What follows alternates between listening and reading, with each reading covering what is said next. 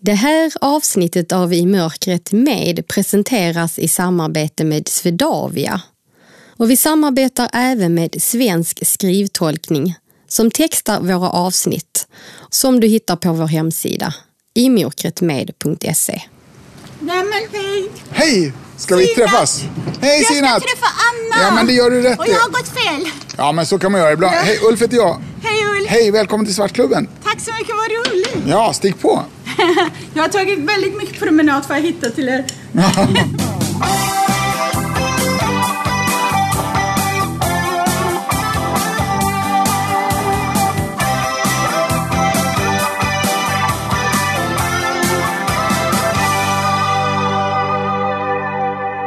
Välkommen till I mörkret med. Jag heter Anna Bergholtz. Häromdagen kom ett mejl från en lyssnare och det stod jag längtar till varje nytt avsnitt. Tack för en sådan fin respons. Det värmer verkligen. Och tack till alla er som lyssnar på I mörkret med. Ni får jättegärna hjälpa oss att sprida podden. Dela gärna länkar till avsnitten i era sociala medier och betygsätt oss gärna i er podcastapp. Nu till dagens avsnitt. Uppvuxen i Iran flydde hon till Sverige med sin son efter att ha blivit tvångsbortgift. I Sverige kom utvisningsbeskedet, men hon fick hjälp att gömma sig. Idag är hon en av Sveriges mest populära komiker och fick pris som Årets kvinnliga komiker 2010. Hon föreläser om hederskultur, är goodwill-ambassadör för Svenska FN-förbundet och skriver på sina kommande böcker och är på gång med en ny föreställning där hon vill försvara styvmammorna. Det handlar bland annat om Iran, hederskultur, tron på Gud, om hennes svenska föräldrar, hur hon hanterar rasism och om komikerbranschen. Och det bjuds även på historien om lyxfittan som försvann och på smakprov från hennes nya show. Och som vanligt möter du Ulf Nordqvist. Ljudtekniker är Jan Dahlqvist. Jag är bra på att skratta mycket och ännu bättre på att gråta. Det här är I mörkret med komikern, föreläsaren, författaren och skådespelaren Sinat Pirzadeh. Hunden kan vakta min väska. Ja, så kan vi göra. Sådär ja. Det är- en riktig vakthund.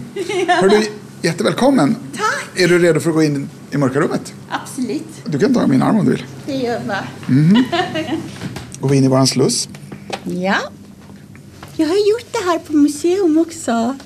Det var många år sedan. Ja, exakt. Den hette Dialog i mörker. Precis. Den var jag också på. Härligt. Så, nu kommer vi in i vår matsal här. Japp. Och så går vi upp på våran motorled här. Det är en, en matta. Så vi vet att när vi är på mattan då är det lugnt. Att man håller sig på mattan. Det brukar vara bra att göra det. Ja, inte alltid ska du veta. Jag är inte den sorten som gör det, men då. Nej, Jag skulle varit kvar i Iran om jag ska ha hållit mig på mattan. Ja, nej, men det var ja, flygande mattan kanske. Det var det som tog mig hit. Ja, det var, Hej Sinat! Var är du då? Här är jag. Jag försöker krama dig. Nu kommer jag, nu sen har jag ett bord emellan oss. Hej! Välkommen! Jättekul! då, här ska vi se. Här har vi världens stol på gång. Välj ryggen. Tackar. Så, och vet du vad? Nu lämnar jag dig till Anna. Ja, tack så mycket för den perfekta vägledningen. Det var mycket bättre för att det GPS vi har haft i morse hit. Ja, du gick vilse ute i ljuset innan du kom hit. Nej, ju det var, det var, jag fick faktiskt hjälp av min skånska vän som ska skjutsa mig. Och det är en skåning i Stockholms vägar på, nå- på något vänster har vi hamnat på de bästa av platserna förutom där vi ska vara. Välkommen hit. Tack! Till slut. Det var inte lätt att få ihop våra schema liksom. Nej, jag är jätteglad verkligen att du, du kunde komma. Tack detsamma. Jag är jätteglad att ni vill ha mig här. Hur känns det nu i mörkret då? Det är inte så främmande. Jag tycker, när jag mediterar ofta tycker jag det är ganska skönt att vara faktiskt i mörkret och meditera. Det är mycket lättare att fokusera faktiskt. Men det finns folk som är mörkrädda. Några av mina barn vill absolut ha lamporna på. Och jag försöker förklara för dem att om man man behöver mörkret för att kunna liksom sova riktigt djupt. Är du mörkrädd? Nej, annars skulle jag inte sitta här. Jag skulle skrika bara. bara ah, Ulf, kom och hämta Ja, mig jag igen." tycker den sortens mörker som vi befinner oss i är eh, inte det värsta mörker man kan vandra igenom faktiskt. Det här, det här kan man hantera. Det finns andra sorters mörker som är mycket värre. Mm, hur tänker du då? Mänskliga, själsliga mörkret som, som liksom gör sig påmind av hat och sånt. Det det som är faktiskt mycket, mycket, mycket värre, tycker jag. Du får bara berätta vem, vem du är, Sinat. Jag tycker det är så svårt fråga. Jag vill vara liksom, framför allt är jag mamma och sen är jag eh, extra man, mamma, bonusmamma eller låtsasmamma. Och när barnen, min mans barn kallar mig för låtsasmamma, och bara så jaha, men era tvätt är väl inte att låtsas? Eller när ni kräks på vinter och har vinterkräksköka. Jag önskar att det var låtsaskräks, men... och sen är jag i grund och botten studieyrkesvägledare, så jag kommer från Lärarhögskolan och har läst, jag har läst massor på, på olika universitet. Liksom. Men, eh, annars jobbar jag som komiker, mycket som föreläsare. Och sen, föreläsningar är väldigt allvarliga egentligen. Det handlar om hedersrelaterat våld i nära relationer. Jag försöker och ha förståelse för hederskultur. Att man skulle också kunna stödja männen som man ser som förövare. Att de skulle ta sig ur det här och kliva av hederståget. Och sen är jag goodwill-ambassadör för FN. Jag gör en massa saker. Också goodwill-ambassadör för Suicide Zero. Jag känner liksom att jag har fått eh, livet som gåva trots att jag levt i krig och flykt och revolution och utvisningen och allt det där. Jag har enorm tacksamhet för för jag har klarat mig ur allt det där. Och så försöka återgälda mänskligheten på något sätt. Folk känner ju dig som, eh, mest kanske som komiker och även Ja, men det idag. stämmer. Oj. Ja, men andra egenskaper? Ehm, jag är um, väldigt känslig. Jag ser ibland mycket och det är, inte allt man ser som gör en glad. Så jag kan vara också rätt deppig faktiskt. Så jag är bra på att skratta mycket och jag är ännu bättre på att gråta. Det är så ja. ja. Och sen försöka finnas för mina vänner i det sträcka som går. Men jag har lärt mig en sak. Att det är okej, man räcker inte till. Det är okej att, att dra sig tillbaka och bara vara också. Jag tycker Sverige är ganska elitistiskt. Det är väldigt, väldigt hemskt faktiskt. Speciellt kvinnor. Kvinnor måste jobba mycket mer. Kvinnliga komiker, du vet själv Hanna, att man måste vara typ nästan dubbelt så rolig som män för att få erkännande. Och det här, det här skiljer jag inte på mina manliga kollegor eller på klubbarna. Det är liksom publiken har inte lärt sig det. Publiken har blivit liksom indoktrinerad av dem, hur det var. Komikerbranschen är rätt ung jämfört med andra branscher. ja hur gammal Och- är den?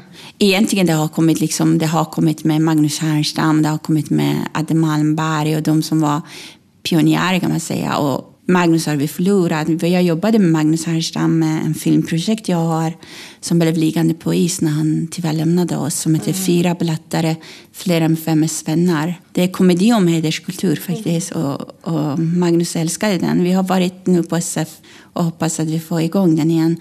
Och äh, Adde är fortfarande en av Sveriges mest rutinerade komiker. När, och när började de? Alltså Adam Malmberg och Magnus Härenstam, pratar vi 80-talet Det här är ett, eh, eller? Ja, precis. Och eh, för mig som har varit syokonsulent, jobbat heltid och sådär. Alla tror att jag har jobbat som komiker jättelänge. Men egentligen har jag jobbat heltid som komiker från 2007 efter att jag har sommarpratat. Liksom. Där alltså, jag vågade inte släppa taget. För du vet, man har varit, jag har haft det tufft i mitt liv. Det har inte varit självklarhet med tak och mat på bordet alla gånger. Så att man vill inte släppa taget och bli frilans liksom. Men nu är du helt frilans? Ja, absolut. Men när skulle du säga att du trivs som fisken i vattnet? Alltså jag tror att det är inte omständigheterna som gör att en människa trivs eller inte trivs. Eller var man befinner sig eller var man är. Ganska mycket handlar om att man just då har en trivselkänsla i, i, liksom, i cellnivå i kroppen och i hjärtat. Liksom. jag tycker inte det handlar om vad som händer runt om mig direkt. Det har jag fattat liksom. Det är jätteintressant för jag brukar ställa den frågan till våra gäster. Och de flesta brukar ju säga just i ett skeende, i en viss situation, alltså hur de trivs. Du kan inte säga det så liksom?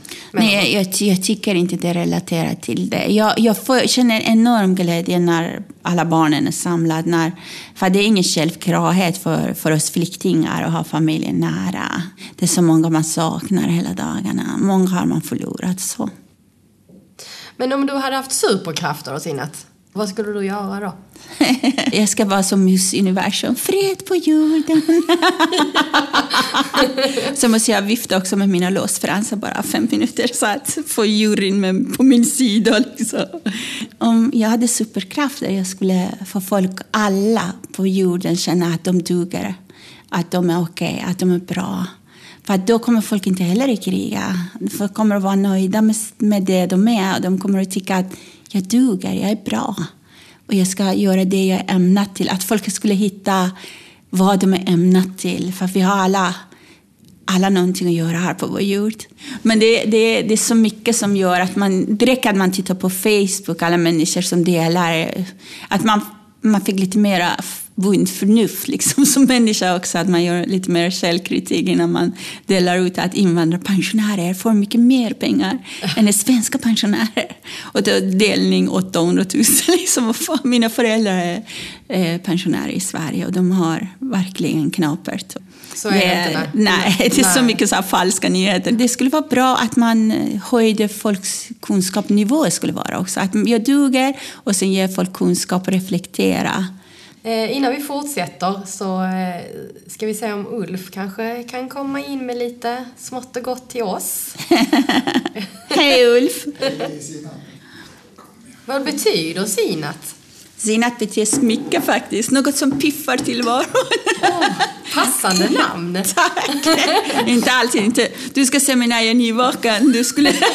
Jag behöver aldrig se dig, Sinat. Jag, jag, kan skicka, jag kan skicka en bild till dig. Sinat? Hej. Öppnar du. Ja. Flaska. Och bortom flaskan finns det ett glas. Var är flaskan? Vi tar den. Ja. Vad tror du? Oh, Hoppas ni inte tänker supa mig under bordet nu. Då får vi se Får du lite bärs?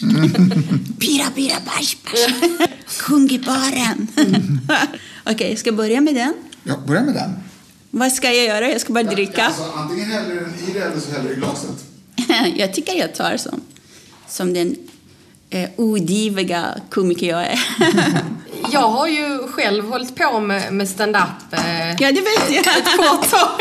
Jag är, och, jag är en ond häxa som har kollat upp det. Ah, okay. Jag trodde knappt att det fanns någon information om det längre. Men... En skål. Jaha, ni har fixat oliver? Eller var det vindruvor? Ja, vad kan det vara?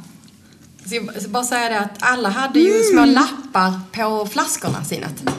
Alltså jag älskar oliver. Ja, du har redan hunnit. Det här var ju jättegott. Tack så mycket. Man ska alltid mata alla flyktingar på jorden. Men du hittade skålen där med oliver, det var snabbt. Ja, gud ja. Mat hittar jag, det är därför jag lever. Vad är det för färg på oliverna då? Mm -hmm. Gröna oliver med mm, med någonting lite den råda. ja, du kan dina oliver. Och så har vi någonting här. Ja. Och det är pistage. Och jag ska avslöja något äckligt till er. Jag tycker om att slicka på dem först för att jag älskar saltet. Ja, och sen lägger du tillbaka dem? Nej. det har hänt när jag var liten, men inte nu längre. Nu har jag råd att äta upp allt. ja. Mm, det är gott. Ja. De där pistagenötterna är faktiskt från Iran. Jag vet, jag fattar. Ja, det, jag har en god vän nämligen som är från Iran som hade med sig dem. Vad glad jag blev. Ja. Men jag ska vara rädd om dina iranska vänner. Ja. Vi är ganska bra att ha. Och väldigt rolig är hon också, har jag tänkt på. Väldigt humor. Vi kanske ska lura henne i komikerträsket då. ja. Hade du öppnat den där Sinat? Jag, jag har redan jag skulle... öppnat. Och jag vill öppna min flaska, tänkte jag. Okej. Okay. Vad har du? Var är din hand? Ja. Där är din flaska, ska jag öppna? Ja, du öppnar till mig. Det är ju service. Ja, du ser. Första gästen som har gjort det. Jag är ingen vanlig gäst. Nej, verkligen inte. Hej. Mm. Här är glaset, här är den. Tack. Jag häller faktiskt upp. Jo, men jag skulle säga det om flaskan innan.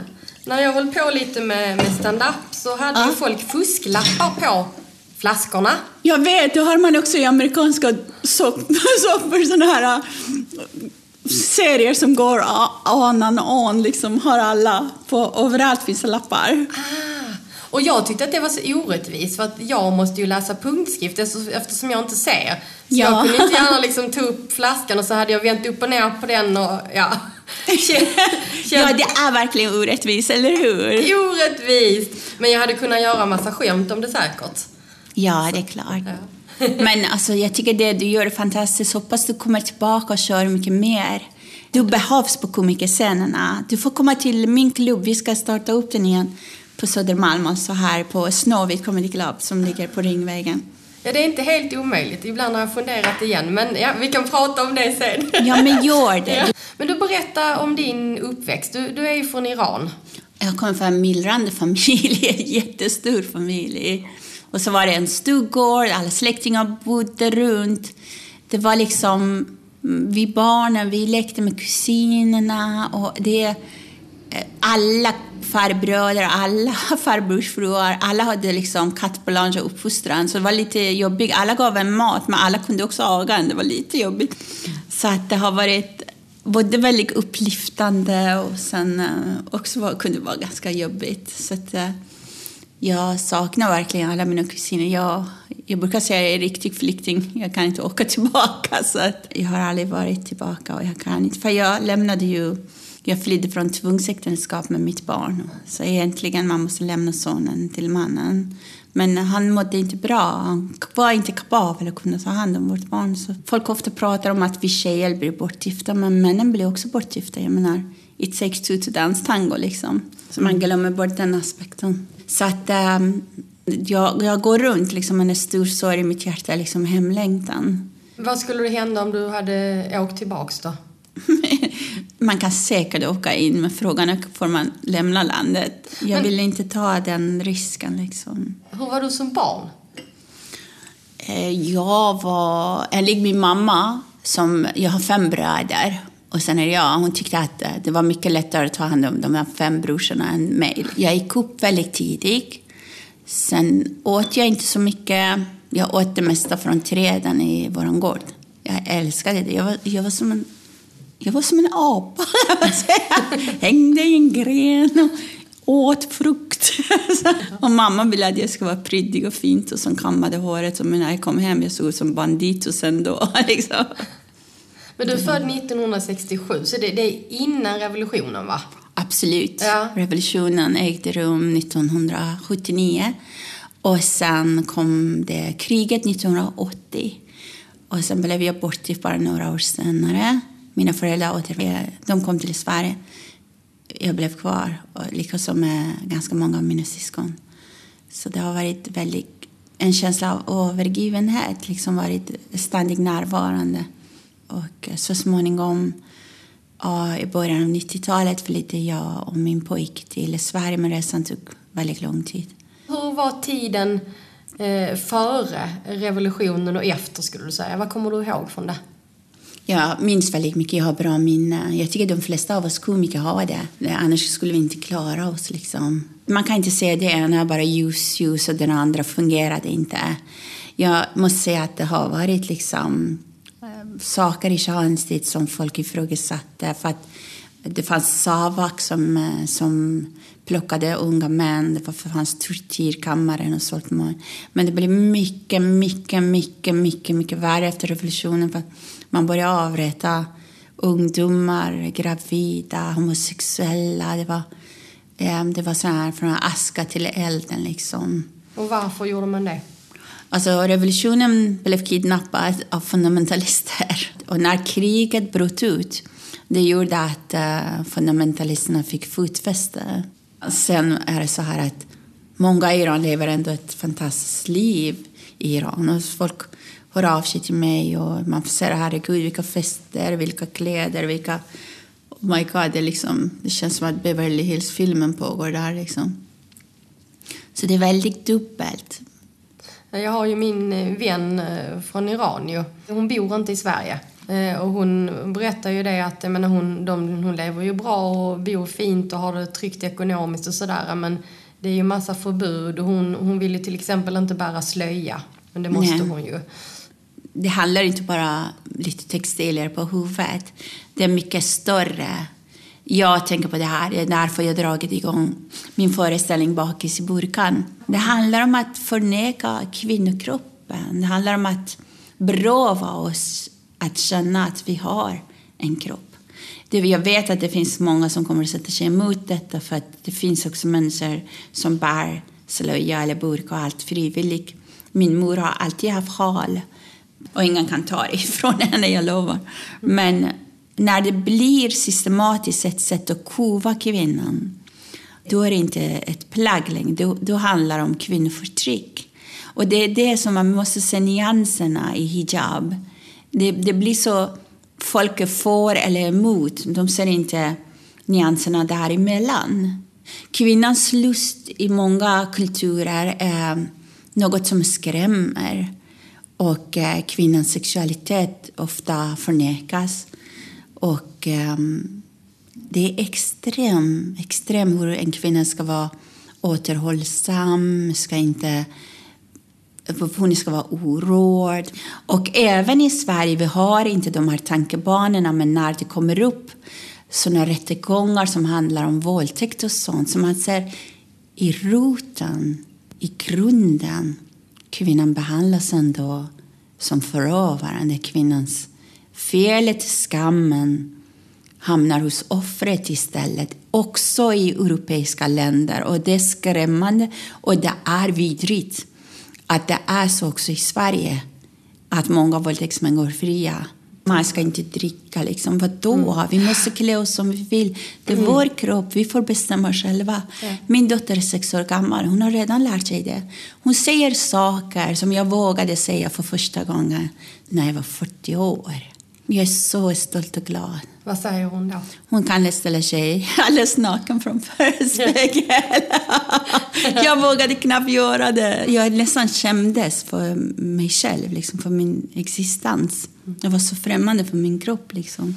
Jag, har, liksom, jag brukar säga att jag har återvunnit min kropp till mig själv mm. efter att det har varit något som andra har bestämt hur det ska vara. Det är därför jag har en Kasper-docka i min föreställning som eh, föreställer en vagina som är varit väldigt dyrt tillverkad så därför jag kallar den för lyxfitta. det värsta är att jag hade tappat den på en av mina föreställningar. Och så var det väldigt märkligt. Jag ringde till det var faktiskt Boulevardteater. Ja. Jag tappade den där. Det var liksom så mycket människor och så plötsligt försvann den för alla vill känna på den, alla vill titta på den och jag vet inte vad hände. Jag trodde först att någon hade tagit med den hem. Men så tänkte jag, jag ringer och kollar med teatern. Så jag ringer till dem och så svarar någon herre där och jag bara så, ursäkta mig, jag tappade min Kasper-docka. Eh, är rosa och så har jag lite liksom päls där uppe feministisk. Så du vill inte säga vad det var? Nej, och han var, liksom, han var helt sunig och bara ja, ja, ja, ja, jag har hittat din fitta. Fan, det var så pinsamt, det var alldeles tyst i telefonen. Han sa, är du kvar? Jag bara, jo, jag kommer och hämtar den ikväll. Vi backar tillbaks i tiden igen. Eh, det var ju, om jag förstått det rätt, en mopedfärd som förändrade väldigt mycket i ditt liv. Ja, det stämmer. Jag förstod inte konsekvenserna av den här handlingen. Att det skulle påverka så mycket. Jag har klättrat i högsta grenen, jag har slagits med mina bröder. Jag trodde aldrig att det skulle vara så farligt att få skjuts på moppe hemåt när vädret var så ruskigt. Det var liksom som att jag förklarade som värsta, värsta man kan göra. Liksom. Då, var, då var man plötsligt horan. Liksom. För att man hade åkt moppe med en kille. Liksom. Hur gammal var du då? Kanske 14, 15 sådär. Så att det förändrade hela min tillvaro. Det var hemskt. Och det är värst att kvinnorna är den som hackar på en mest. Och det här känner jag igen när jag såg mina elever. Det är ofta andra tjejer eller andra mammor. Det är därför den där Fyra blattar fler än fem svennar-filmen Den är faktiskt tar upp frågan om... Det handlar om en tjej som är eh, som en, en tjej från förorten som vill leva med en dokusåpa. Och, och sen blir liksom värsta kaoset i förorten att flickan är på tv med männen och såna grejer. Och pappan sätter sig emot den här totala mobbningen av dottern. Mm. Liksom. Fastän det förväntar sig att han ska liksom se till att hon försvinner. Liksom. Så det, jag tycker det är viktigt istället för att gnälla och istället för att liksom beklaga sig. Jag söker, jag söker till pedagogiska redskap för att berätta informera. Där, där tänker jag det är syotanten i mig som är framme. Eh, efter den här uh, mopedfärden då, alltså lång ja. tid tog det innan du blev bortgift? Berätta. Jag hade fått så dålig rykte så jag skulle vara nästan tacksam om någon ville ens gifta sig med mig. det är därför det var ingen från min hemstad som friade till mig. Jag blev bortgift i huvudstaden liksom. De fick liksom kränga mig utanför gränserna. Men vad minns du av det? Alltså, hur, hur gick det till då? Hur fick du reda på att du skulle bli alltså Jag tror det var en kombination med att mina föräldrar som var i grunden väldigt kärleksfulla hade förlorat fotfästen och de hade förlorat allt de ägde efter revolutionen. Vi hade tappat vår ekonomiska status, vår anseende och så jag hade fått dåligt rykte. Det var en kombination. Jag har försonat med mina föräldrar för att jag har försökt att sätta mig i deras kläder och känna efter. Jag önskar ingen människa på jorden att förlora rätten till sig själv. Det är liksom, jag är inte arg på den mannen jag blev bortgift med. Han var också liksom offer lika mycket som jag, tycker jag, tänker jag. Han var inte så mycket äldre än mig som många andra äktenskap är. Som min väninna sa till mig, det är en fördel när mannen är jättegammal, han dör ju. Men jag är enormt tacksam för min pojk. Armand är mitt allt liksom. Han, har du sett Lingonligan? Han spelar... Det är en komediserie liksom, som om du har lyssnat på den. Och så, ja. Han spelade målvakten. Ah.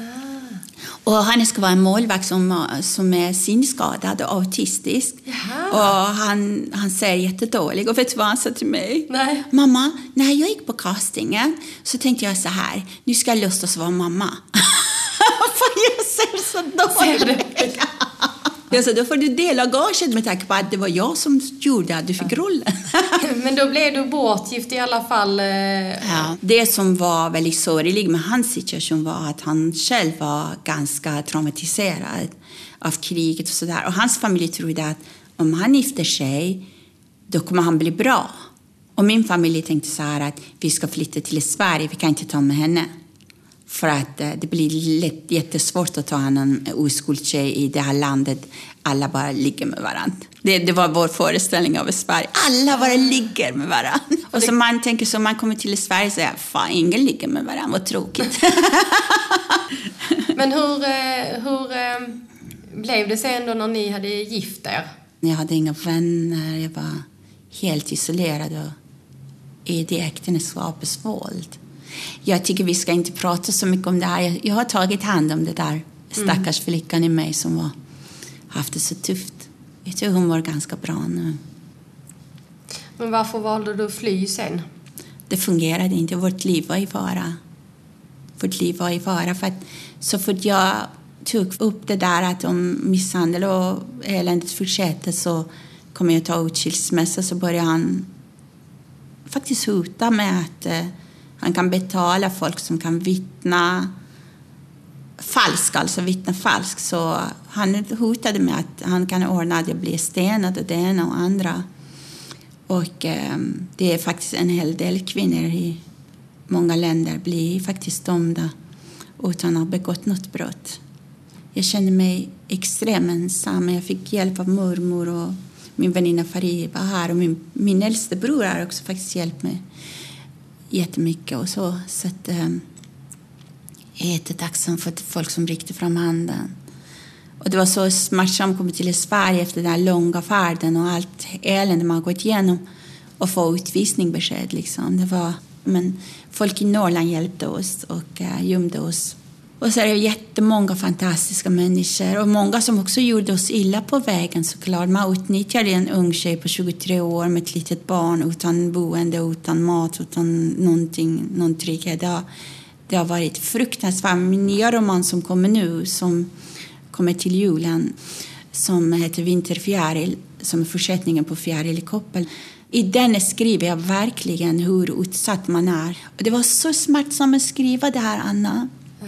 Jag kunde inte liksom... Jag hållit på med den här boken nu i flera, flera år. Jag kunde inte... Alltså, det var, det var hemskt.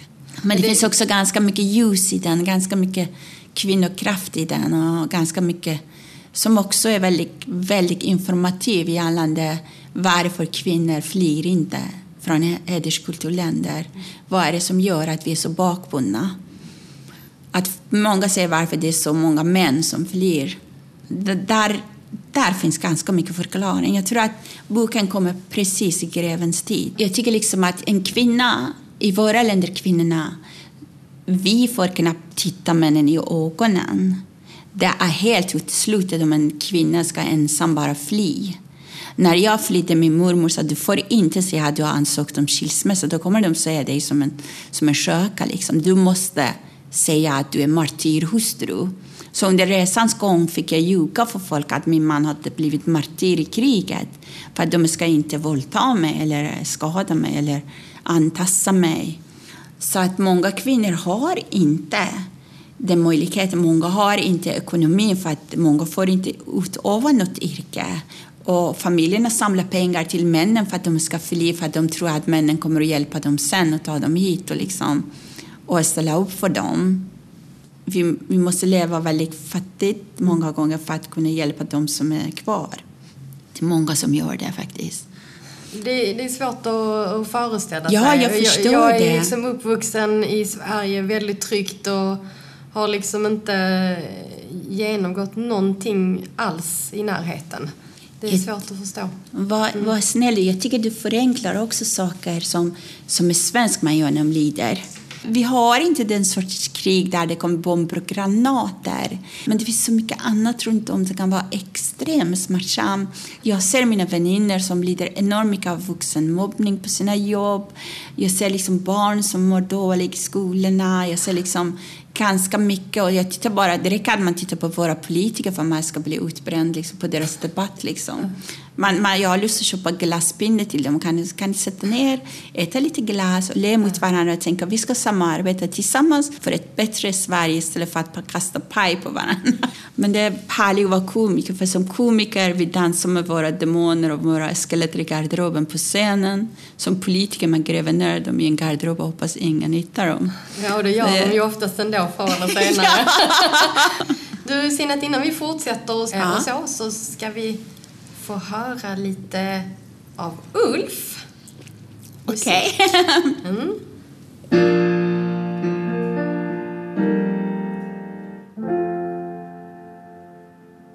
Det var en man som gick ut på jakt för att skjuta en älg eller två. Eller möjligtvis kanske tre. Gravmärkt skogskreatur. Hungern han var i dess makt. Och kött gick inte att få. Utan att landa en bössa med krut. Och skjuta ett oskyldigt djur. Så han hämtade geväret. Och han fyllde sin väska med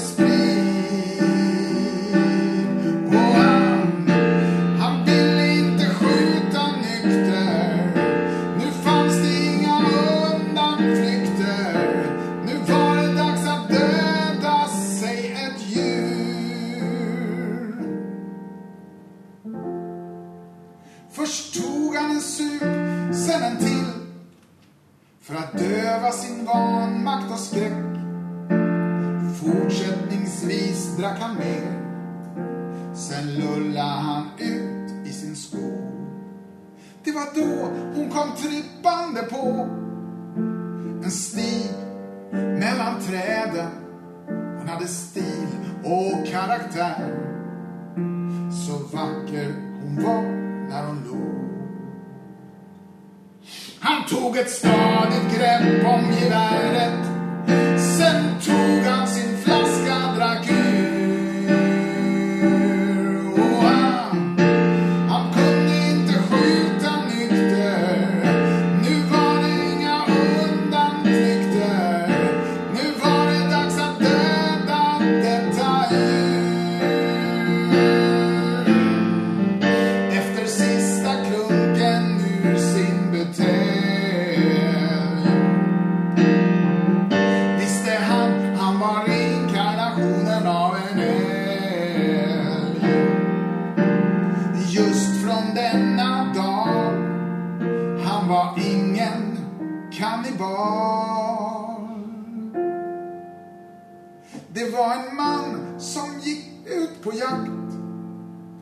Svärd det finns i en å. Han ropade, jag älskar dig så. Sen kysste han henne upp på munnen hon rodnade skyggt Kisa ur sin älgögonvrå En kram, det kan han väl få. I skogen när ingen ser på. Sen friade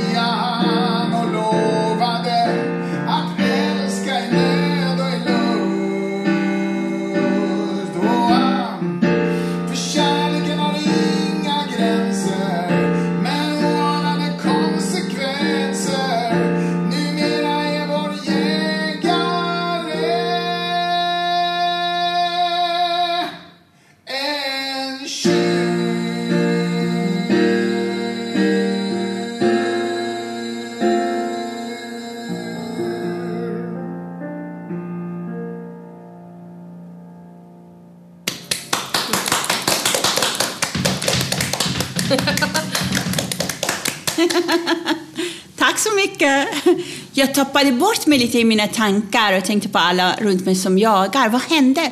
Var Elin en kvinna plötsligt eller vad, vad var det som hände? Ulf, du får förklara det här. Nej, men jag, jag, tänker att, eh, jag tänker att ibland så kan man kanske känna sig lite som en älg. Och, Ja, det är sant. Och, och, och ändå vara människa. Och jag, jag tänker att det, det handlar rätt mycket om att, att våga öppna upp mot olikheter. Att vi är olika och, och det ska vi få vara. I det här fallet så blev Har du han- skrivit den? Jag har skrivit den. Och du sjunger fenomenalt, du spelar så närvarande här var Jag börjar tänka på alla som jagar plötsligt. Jag är ju ganska mycket i Norrland, jag är ganska mycket norrlänning. Jag tänker på alla jakten och allt möjligt. Så. Och det var så vackert det där att eh, han vill inte skjuta nykter. Fasiken var bra. För egentligen om man är nykter i själen, man går inte och dräper något levande väsen. Varmblodiga, stor, vacker djur med vackra, snälla ögon. Liksom. Tack så mycket, Ulf. Ja, varsågod. Ja, det var premiär på piano här i podden också. Ulf brukar ju köra gitarr. Var jättefin. Ja, det var jättefint, Ulf. Du är poet också. Du måste komma med mig och hänga på Poetry Slam. Eller min egen sån benämning, Poetry Slampan. Vad är Poetry Slam, för alla som inte vet? Ett sätt att uttrycka sina känslor. Man tävlar i det och eh, egentligen säger man att vi tävlar i det för man, man kan inte göra det egentligen. Kan du ge något exempel på, har du något så här Poetry Slam som du kan köra nu? Ja, jag kan, jag kan köra en av mina dikter. Och nu till vår samarbetspartner Swedavia och Håkan Sevegran som jobbar som ledsagare på Arlanda. Nu hör man lite folk igen här framme. Ja, precis. Vi har alldeles ovanför oss eh, en gate med eh, ett flyg som ska gå till Istanbul. Då håller man på att förbereda den avgången. Men hur funkar det när folk eh, eh, behöver hjälp och som eh, inte kan svenska och inte kan engelska heller så bra? Hur brukar ni lösa det? Ja, då får man använda sig av Eh, sina kollegor som kan väldigt mycket språk. Jag tror att vi har kollegor i, i vår organisation som har, vi har väl ett 20-tal olika språk i alla fall. Eh, och eh, fungerar inte det då får man väl försöka med teckenspråk eller på något annat sätt kommunicera. Vi har väldigt mycket resenärer från Mellanöstern och, och som tur var så har vi då kollegor som kan både arabiska, persiska och även i viss mån armeniska och lite andra språk. Men brukar de få de ledsagningsuppdragen då man ser att det är någon som kommer från Ja, ibland, land? ibland är det. Oftast försöker man koordinera så att det blir rätt person på rätt plats. Mm. Men är det så att man hamnar i en situation där man har svårt att förstå varandra, då får vi ju ropa över radion och så får vi be om hjälp. Eh, till exempel är det någon som kan arabiska. Eh, kan ni skicka hit honom till gate eh, F36 för att reda ut det här? Så att det brukar fungera. Och framförallt finns det ju resenärer som hjälper oss. Alltså man har medresenärer som kan språk ifrån just det landet som vår ledsagningsresenär kommer ifrån. Det brukar fungera ganska bra faktiskt. Egentligen jag är poet från början, jag är inte komiker. Men jag insåg att har man en massa barn så är det, tjänar man mer pengar som komiker än poet. du var mitt hav. Du var mitt hav, men du dränkte mig. Du var min sol, men du brände mig. Dina händer gav mig löfte. Ett löfte av kärlek. Samma händer som sen dräpte mig. Det här är en ganska sorglig dikt. Ja. Det kommer utifrån att man tappar tilltron till någon som man, man har hållit kär. Däremot jag har kommit fram till att man kan inte gå runt och anklaga andra för hur man blir behandlad. Min pappa sa till mig något väldigt stort, väldigt vackert. Han sa till mig, mitt barn, ingen människa behandlar dig sämre än du tillåter. Och det var liksom, det har jag tagit med mig. Ja, för jag tänker du måste ju verkligen haft förmågan att förlåta. Du berättade om dina föräldrar och, och att ni har liksom rätt ut att du kan ändå förstå utifrån hur deras liv såg ut då liksom. Men ja, svaret har Jesus gett mig. Ty de visste inte bättre. jag har till och med skrivit en psalm. Det måste vara första taliban-dotter som har skrivit en psalm. Jag kan, jag kan nina första raderna. Ja, ja. Det är bara så här, poetrislampan ninar lite psalm nu. har du varit just så nära att du måste titta upp för att se botten av ditt liv. Och så man ska vända sig till Gud och man släpper Guds ljus i sitt hjärta. Jag är troende, så jag ska inte himla med det. Ja. Det är bara jag och Carola som är kvar. Jag, ska göra. jag är egentligen varken kristen eller muslim på det viset, men jag är otroligt andlig. Jag tror på Gud. Gud är liksom i högsta grad närvarande i mitt liv. Så att jag känner liksom att det var Guds vilja att jag överlevde flykten, att jag inte blev utvisad. Jag, kände, jag har känt mig alltid skyddad av någon högre kraft. Liksom, um, jag har klarat mig ur ganska mycket som är lite overkligt. Liksom. Först fick du ju inte stanna kvar men så blev du hjälpt att bli gömd då. Ja. Alltså hur var det i livet? Nej, man behövde inte gömma sig direkt. Det är det som är härligt med Norrland. De flesta vill eh, liksom, att man ska stanna. Liksom. De flesta var på en sida. Var, man fick hålla låg profil. Liksom. Jag fick inte gå och dansa på torget. Liksom. Du kunde inte jobba och så heller? Alltså på den tiden jag visste inte att det är förbjudet att jobba. Förlåt mig, jag visste inte det. Men det var ett sätt att överleva. Liksom. Jobba svart menar du eller? Ja, jag visste inte att det var Nej. svart eller vit. Jag hade ingen aning om Sveriges samhälle. Men jag är duktig frisör, jag är duktig att sy. Liksom, så att, men jag jobbade inte heltid eller någonting. Det var bara för att kunna överleva. Liksom. Var bodde du någonstans då? Man bodde hos vad som helst egentligen.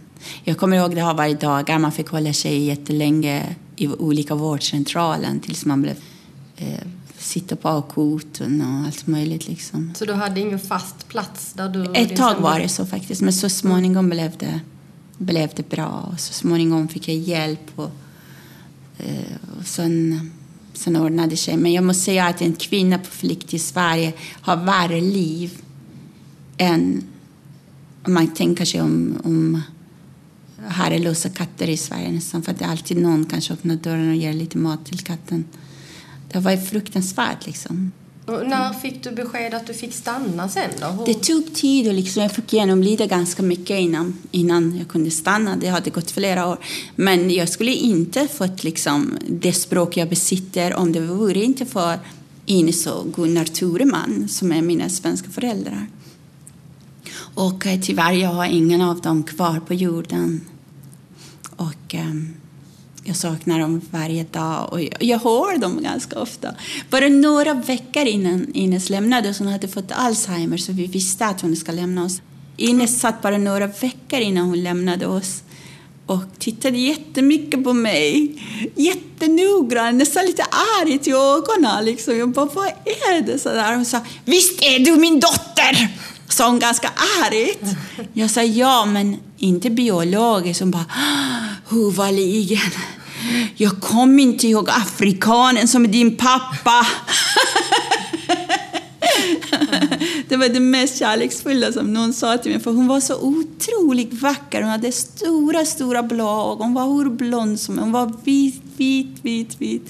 Och så tänkte jag så hur kunde jag få den här tjejen alltså? Hon är min dotter, men vem är farsan? Men vad gjorde Ines och Gunnar för dig? De gjorde allt och mycket mer. Mer än man gör för sina egna biologiska barn. Liksom. De har gett mig kärlek, villkorslös kärlek.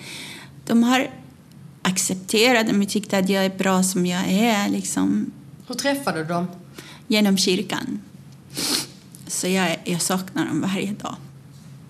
Så därför när rasister kommer och skriker på mig och liksom säger elaka saker och så jag brukar säga det här funkar inte på mig, jag har träffat Ines och Gunnar. och de brukar säga, vem fan är det? De som säger att kärleken i Sverige är större än hatet ni bär, de brukar komma av sig faktiskt. Så är det. Med dem i mitt hjärta, jag är inte rädd för rasister. Så är det bara. Men hur kom du in på att börja jobba med stand-up? Alltså jag tror inte att jag valde stand-up. Det känns som att stand-up valde mig. Liksom. Min son Armand Myrpor har alltid varit intresserad av teater och han ville vara på teaterkollo. Och jag skrev in honom där och jag var ensamstående mamma och jag tänkte då kan jag gå på hattmakarkurs. För jag älskar hattar. Du ser jag har hatt på mig nu också. Nej, det gör jag inte. Nej, Jag vet att du inte ser men du kan känna. Ja. Ge, ge mig handen. Ja, vad ska jag känna? Var är... Var är handen? Här har jag den på bordet. Okej, då får jag känna. Jag håller på att förlåta. Där, jag har kall hand förlåt. ja. Det sägs kallt hand, varm, varm hjärta. Där, ja. Så. Ah, det är en riktig hatt med. Och då pratar vi så här uh, fin Det är, hatt. Charlie, nej, det är liksom. Charlie Chaplin-hatt och den är väldigt grisig. Mina barn har kladdat på den och allt möjligt. Men det är min, min favorithatt. Fint, ja. Jag kallar det för bat hair hat liksom. Så du skulle gått hattmakarkurs, men det blev inte det eller? Nej, det var bara jag och en till tukfia som hade anmält sig. jag sa till mina vänner, jag betalar det om ni går. För det måste vara fyra personer, annars startades den inte. Så mina kompisar, nej, nej, nej, vi har två veckors semester, vi ska fan inte sitta och se hatt. Lägg av. Så ringde jag till dem och sa, vad har ni för andra kurser då? Och sa, oh, vi har en kurs om retorik och komedi med Adde Malmberg. Och så tänkte jag, jag ska bli syokonsulent, studievägledare och så kanske bra om man kan ha lite retorik i fickan liksom och kunna vara lite rolig när man vägleder ungdomar. Jag tänkte, jag tar det då och det kostade lika mycket.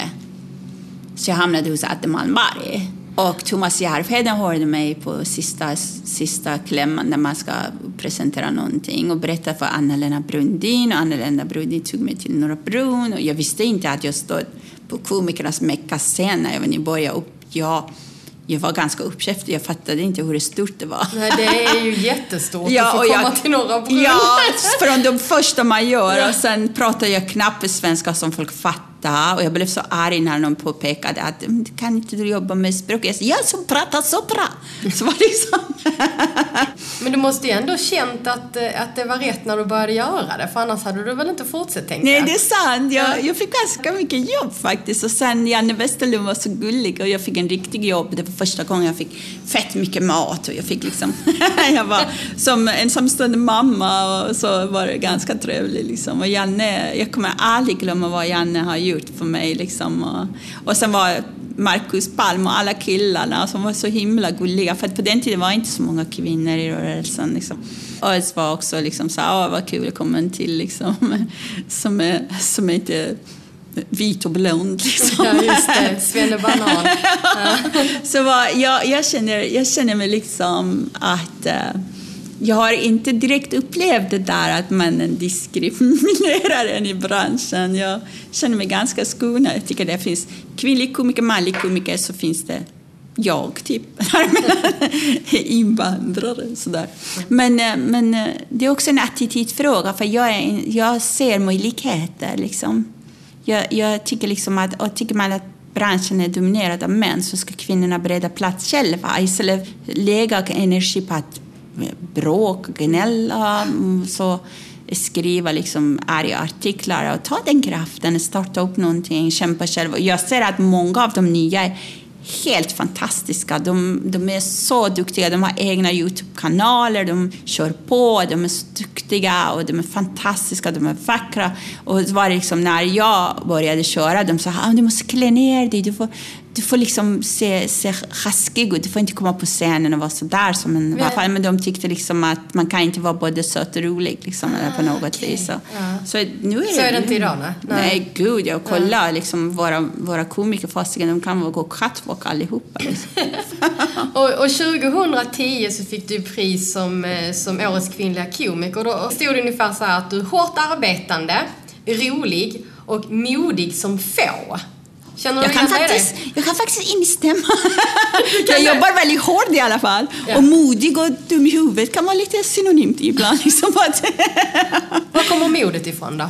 Jag tror att det, eh, det finns otroligt många kvinnor i min familj som är, som är väldigt egna och väldigt starka. Min mormor bland annat, en av mina största förebilder. När hon såg att hon hade ju sex döttrar och så hon såg att efter nian finns inga skolor för dem. Liksom. Då måste de gå med killarna. Och många familjer skulle se ner på dem om de ska gå till killskola. Och eh, så startade hon själv en gymnasieskola till sina flickor och alla flickor som vill gå dit. Så jag är jättestolt över henne. Och hon var verkligen... Åh, gud vad jag saknar henne. det var så hemskt när hon gick bort eh, och jag kunde inte vara på hennes begravning i Iran. Ibland känns det att hon sitter kvar där. Oj, oj, oj. Ja.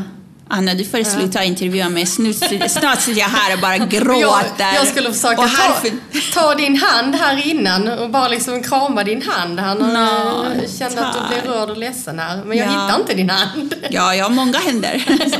ja. Men det, det, som är, det som är oerhört viktigt med att vara komiker tycker jag när det gäller sådana som mig och andra som försöker, till exempel du kommer också med mycket kunskap som folk saknar.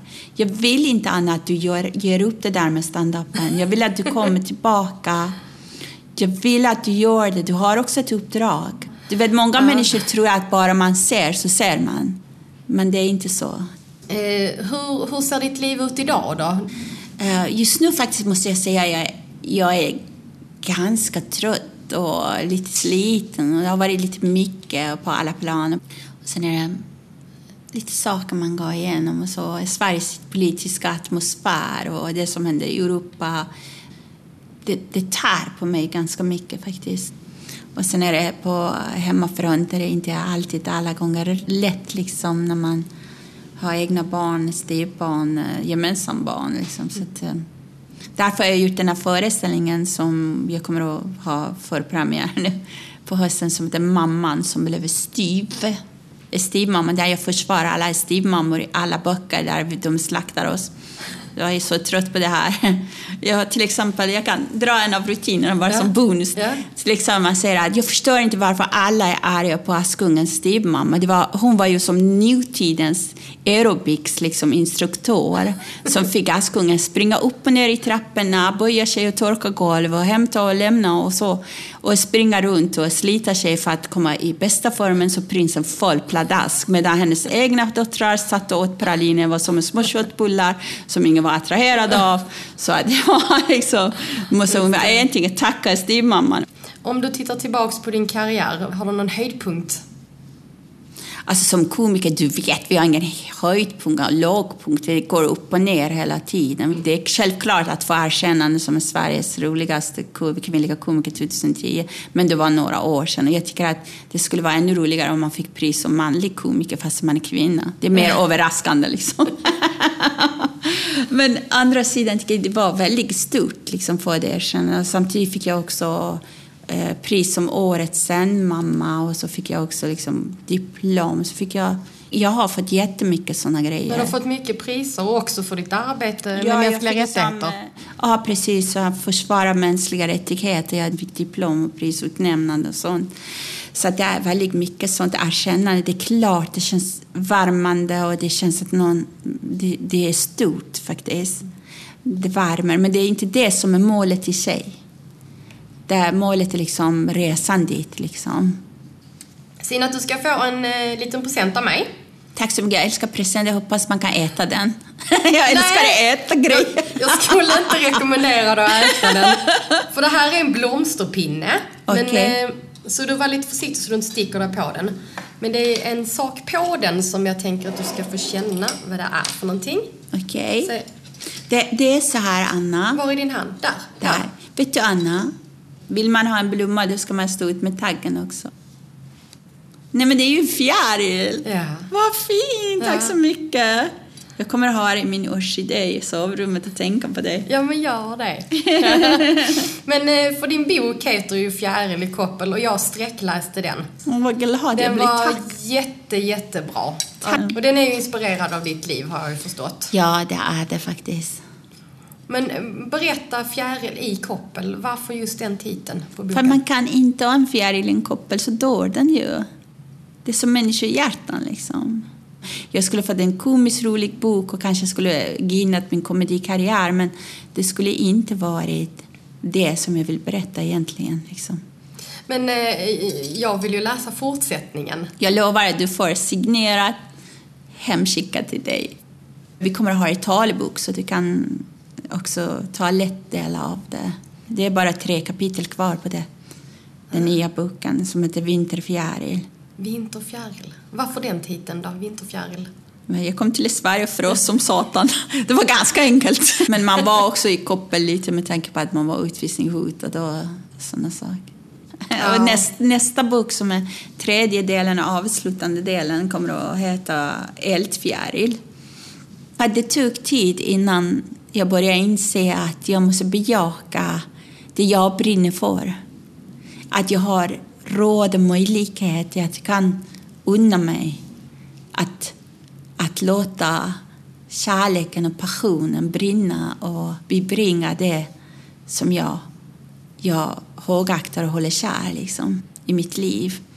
Ja, och som jag har förstått så har du mycket kärlek i ditt liv idag. Du är gift med Knut Berggren.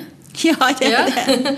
Som eh, en del kanske känner igen från Idol, va? Visst ja, det så? stämmer. Synd att jag var inte tillsammans med honom på den tiden. Han hade inte ens Facebook. Hur fasiken går man och deltar i Idol? Han hade inga sociala medier, ingenting. Ändå hade han kommit bland de elva bästa. Liksom. Jag bara tänkte, fasiken, om du var tillsammans med mig jag skulle varit kvar till finalen. Jag skulle gjort så mycket reklam. Han var med 2007, eller? Ja, Nej. 2008 tror jag.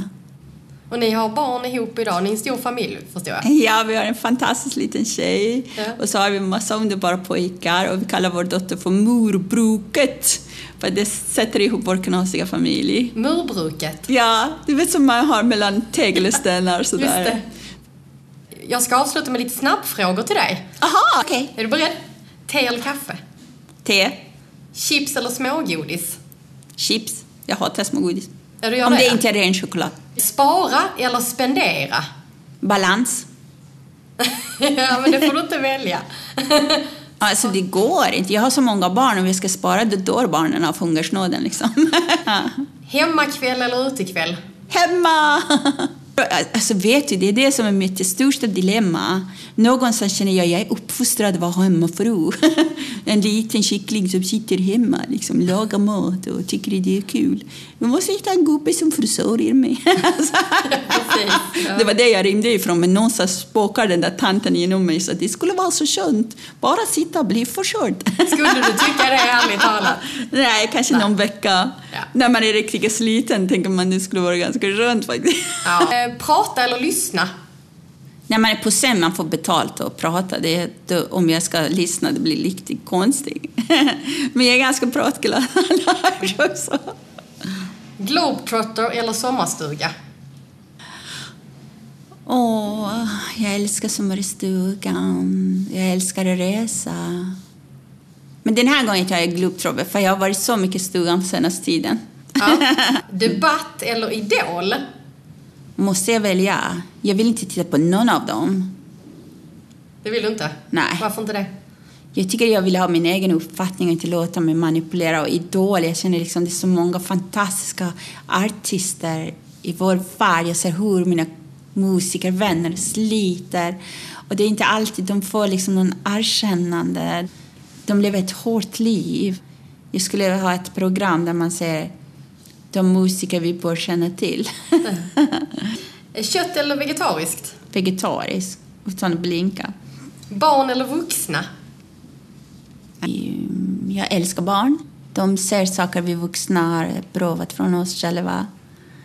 Och jag älskar vuxna som kan vara vuxen. Jag umgås med barn som är barn och vuxna som är vuxna. Ja, skriva eller läsa? Åh, vad jobbig du är.